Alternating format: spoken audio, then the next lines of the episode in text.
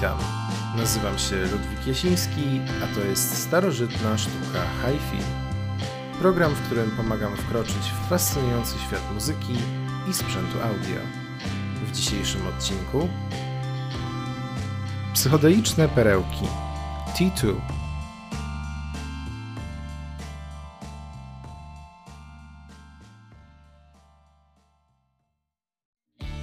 dzisiejszym odcinku porozmawiamy o znakomitym zespole T2, który miał szansę zostać nową gwiazdą psychodelicznej sceny brytyjskiej. Niestety kilka nieoczekiwanych zwrotów akcji spowodowało rozpad zespołu, a tym samym doprowadziło do zakończenia tego znakomitego, aczkolwiek niezbyt szeroko znanego rozdziału w historii psychodelicznego rocka. Najwyższa pora to zmienić, dlatego zapnijcie pasy i zaczynamy. Zanim dojdziemy do samego T2, warto opowiedzieć o tym, jak doszło do powstania tego trio. W oryginalnym składzie znaleźli się basista Bernard Jinks i młodziutki gitarzysta Keith Cross, którzy razem grali w zespole Bulldog Breed. Zespół ten wydał zaledwie jeden album pod tytułem Made in England w 1970 roku. Krążek ten był bardzo mocno zabarwiony próbami brzmienia Genesis z Peterem Gabrielem, kompozycje pełne nieco teatralno-cyrkowych melodii i wokal, który bardzo nawiązywał do barwy głosu Gabriela, od razu zdradzały intencje muzyczne grupy. Co prawda na Made in England znalazło się również kilka bardziej jazzująco-bluesowych kompozycji i nawet co nieco z psychodelicznego rocka, jednak nie da się ukryć, że album jako całość był bardzo bezpieczny i w żaden sposób nie zrewolucjonizował muzyki. Ba, jestem nawet skłonny uznać go za uwstecznienie się. Wszakże w 70 roku, zwłaszcza w Wielkiej Brytanii, grało się znacznie, ale to znacznie ciekawiej. Już wtedy wychodził ostatni album Beatlesów, trzeci album Led Zeppelin, czy pierwszy i drugi album Black Sabbath. Nie zmienia to faktu, iż na występach zespołu największą uwagę zwracał jednak 17-letni Cross, którego niesamowity talent do gitary elektrycznej nieco przyćmiewał resztę kolegów ze składu Bulldog Breed. Znacznie ciekawsze kompozycje od Bulldog Breed prezentował zespół The Gun wraz ze swoim jedynym albumem o tej samej nazwie. W zespole oprócz braci Gurwitz, którzy potem założyli dość znany psychodeliczny zespół The Baker Gurwitz Army, grał perkusista Peter Danton, zastępując poprzedniego perkusistę Louiego Farrella. The Gun grało już w 1968 roku zdecydowanie lepszą muzykę. Ich utwory zawierały obszerne interludia, przeplatanie aranżacjami orkiestry, bogatymi w instrumenty dęte i smyczkowe, wymieszane z nietuzinkowym rokiem. Nic więc dziwnego, że Bernard Jinks, będący wieloletnim przyjacielem Dantona, bardzo szybko zapragnął grać ze swoim przyjacielem bardzo podobną muzykę, tworząc coś bardziej zbliżonego do tego, co Danton grał z The Gun, niż tkwić razem z Crossem w Bulldog Breed. Tak powstałe trio, Danton, Jinx i Cross, idealnie się dogadywało. I po zaledwie tygodniu prób w garażu rodziców Dantona rozpoczęli intensywnie dawać występy pod nazwą Mooning. Grupa bardzo szybko zdobyła dużą popularność wśród stałych bywalców nie tylko studenckich klubów, ale również i tak legendarnych miejsc jak londyński klub The Marquee, w którym występowała u boku takich zespołów jak Vandergraaf Generator, Genesis czy Steamhammer. Oprócz Marquee, Morning występowali również w klubach, do których uczęszczali Black Sabbath, Free czy Deep Purple.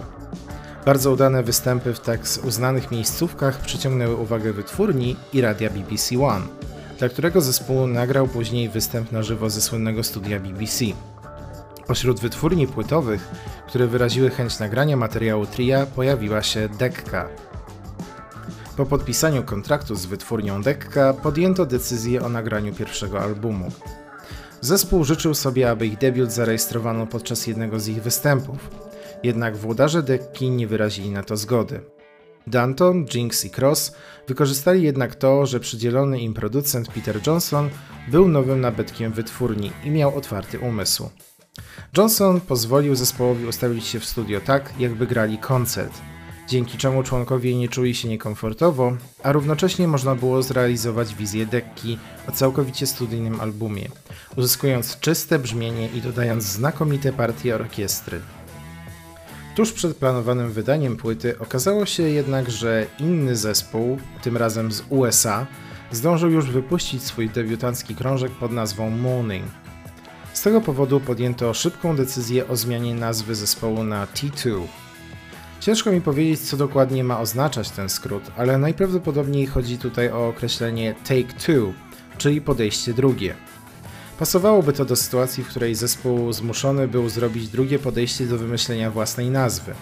A przy okazji, nazwanie zespołu w tak absurdalnie krótki i zagadkowy sposób sprawił, że żaden inny zespół nie miał szans jej podkraść.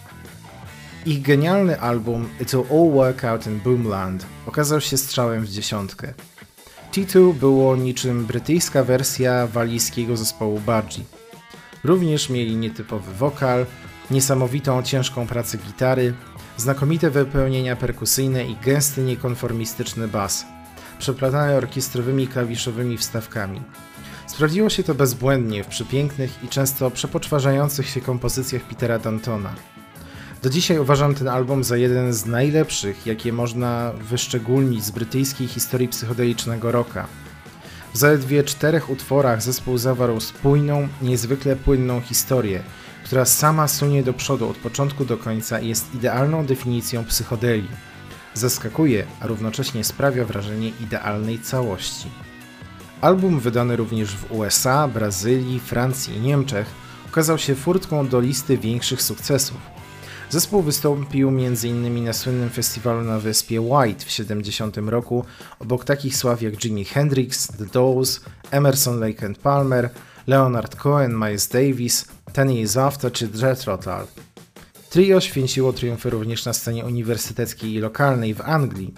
Zespół wystąpił na festiwalu na torze wyścigów konnych Plumpton w Essex razem z zespołami Black Sabbath, Affinity, Chicken Shack, Strobes, Yes, Colosseum, King Crimson czy Deep Purple, a Keitha Crossa bardzo szybko okrzyknięto nowym Ericiem Claptonem.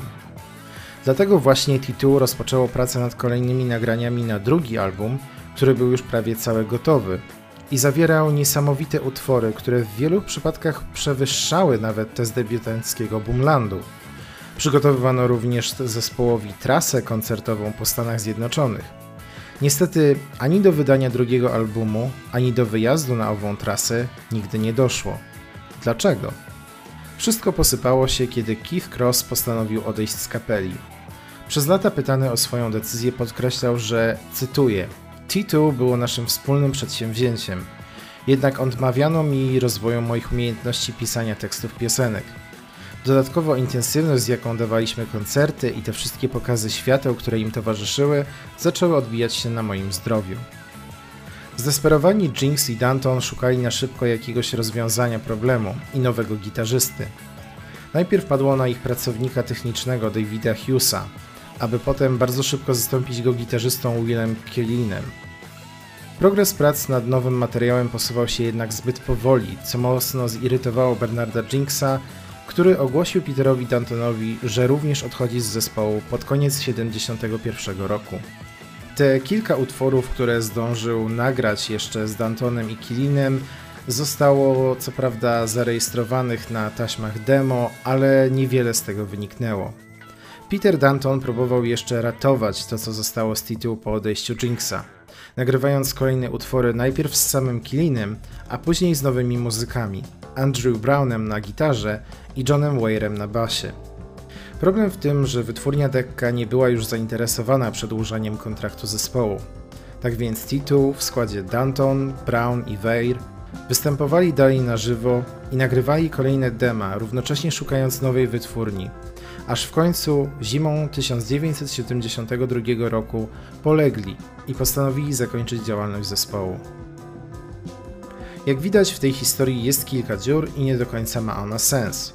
Drugi album zespołu, nagrany jeszcze w 70 roku w oryginalnym składzie, wypłynął w latach 90. na nagraniach bardzo słabej jakości, na których słychać jednak, że zostały one w pełni zrealizowane w studio i zmiksowane. Czy ta słaba jakość wynika z tego, że zespół nagrał je jako wersję demo? Czy może po prostu po tylu latach taśmy matki uległy uszkodzeniu i jedyne co nam zostało to takie parszywe kopie? Nie byłaby to przecież pierwsza taka sytuacja. Choćby wspomniany wcześniej zespół Budgie również posiada album, który w latach 70. brzmiał znakomicie z płyt winylowych, a w dzisiejszych czasach brzmi tragicznie z powodu zniszczenia taśm matek. A skoro album T2 był praktycznie gotowy, zrealizowany i zmiksowany, to dlaczego Decca nie wydała go jeszcze w 1970 roku? Dlaczego Keith Cross tak naprawdę odszedł z zespołu? Jego kolejny projekt muzyczny Cross and Ross z Peterem Rossem był zgoła inny niż to, co grał z T2. Znacznie bardziej akustyczny, moim zdaniem marnujący talent Crossa. Czy rzeczywiście był taki zmęczony występami i brakiem wkładu w teksty piosenek? Prawdopodobnie nigdy się tego nie dowiemy. Jednak nie zmienia to faktu, iż mogę gorąco polecić wszystkie trzy płyty z nagraniami T2, które obecnie można kupić. Są to oczywiście oryginalne studyjne dzieło It Will All Work Out in Boomland, prawie skończony album z 1970 roku nazwany po prostu T2 oraz kolekcja wersji demo nazwana 1971-1972, nagrana już w nowych składach zespołu. Obie te niewydane płyty są równie znakomite co debiutancki album naprawdę ciężko jest mi znaleźć słaby utwór na którejkolwiek z nich. Peter Danton był po prostu zbyt dobrym kompozytorem. Wszystkie, nawet najgorzej nagrane piosenki zespołu są najzwyczajniej w świecie znakomite i grzechem byłoby nie przesłuchać wszystkich trzech płyt. Zwłaszcza, że to wszystko, co nam zostało po tym projekcie. Najlepiej można to zrobić kupując box Esoteric Records wydany przy współpracy z Cherry Red Records w 2021 roku. W boksie znajdziemy wszystkie trzy pozycje w najlepszych możliwych wersjach brzmieniowych na płytach CD. Niezależnie jednak od tego, czy uda Wam się kupić wspomniany box, wydania winylowe, czy po prostu każdą z płyt osobno na CD, to gorąco zachęcam do poszukiwania wszystkich możliwych nagrań zespołu i bezkresnego zatopienia się w nich. Nie będziecie zawiedzeni. Co stało się więc z każdym z członków oryginalnego składu T2? Peter Danton nagrał samodzielnie jeden singiel, a później w latach 90. próbował reaktywować T2, nagrywając trzy kolejne płyty w różnych składach dla małej wytwórni, ale bez większego sukcesu. Keith Cross po nagraniu albumu Bold Civilians jako Cross and Ross już nigdy więcej nic nie wydał. A Bernard Jinks kontynuował karierę w zespole Please oraz pisał i grał na basie dla wielu innych wykonawców. To by było na tyle, jeśli chodzi o historię brytyjskiego zespołu T2 zespołu z olbrzymim potencjałem, niesamowitymi utworami i niesamowitymi ludźmi, którzy stali za tymi utworami. Niestety wszystko poszło w niwecz, a jedyne co możemy to celebrować ich muzykę poprzez słuchanie jej. W następnym odcinku Psychodelicznych Perełek skłębimy tajniki brytyjskiego zespołu Black Widow – który zaskoczył absolutnie wszystkich swoim połączeniem nietypowych tekstów i muzyki. Zapraszam.